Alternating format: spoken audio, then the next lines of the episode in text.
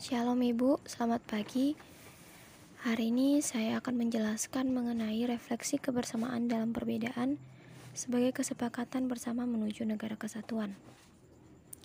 Identitas nasional merupakan suatu hal atau bagian dalam kebersamaan dan perbedaan.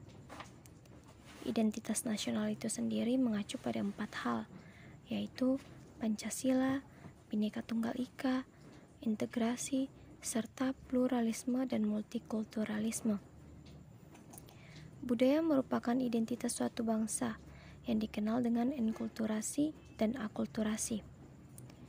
Di mana enkulturasi merupakan suatu kebudayaan yang diturunkan dari satu generasi ke generasi lainnya.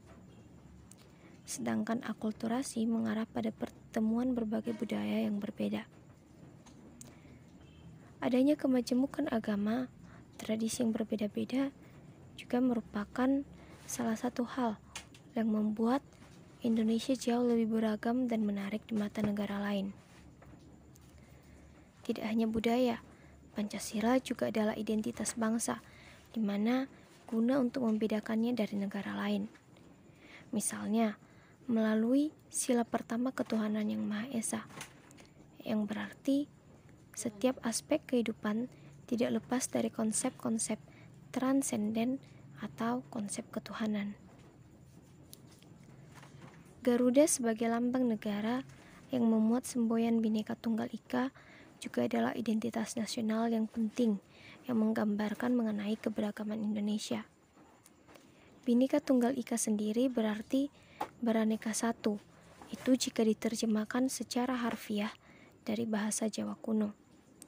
Sedangkan lambang Garuda sendiri digunakan karena merupakan kendaraan Dewa Wisnu dalam mitologi kuno dalam sejarah Indonesia. Selain itu, Garuda juga memiliki arti di mana melambangkan kebajikan, pengetahuan, kekuatan, keberanian, kesetiaan, dan disiplin. Indonesia merupakan bangsa yang plural dan multikultural. Walaupun banyak perbedaan dari agama, golongan, ras, akan tetapi semuanya bersatu melepas ego masing-masing demi kesatuan sebuah negara. Kesadaran dua konsep di atas akan membuat Indonesia menjadi lebih kuat ketika adanya kekuatan-kekuatan yang hendak menyeragamkan bangsa ini karena Indonesia telah memiliki ciri khas tersendiri yang tidak dimiliki oleh bangsa lainnya atau tidak bisa ditiru oleh bangsa lainnya. Semua hal yang saya jelaskan di awal berarti bahwa kita sebagai anak bangsa harus bangga akan semua perbedaan dan kemajemukan di negara kita.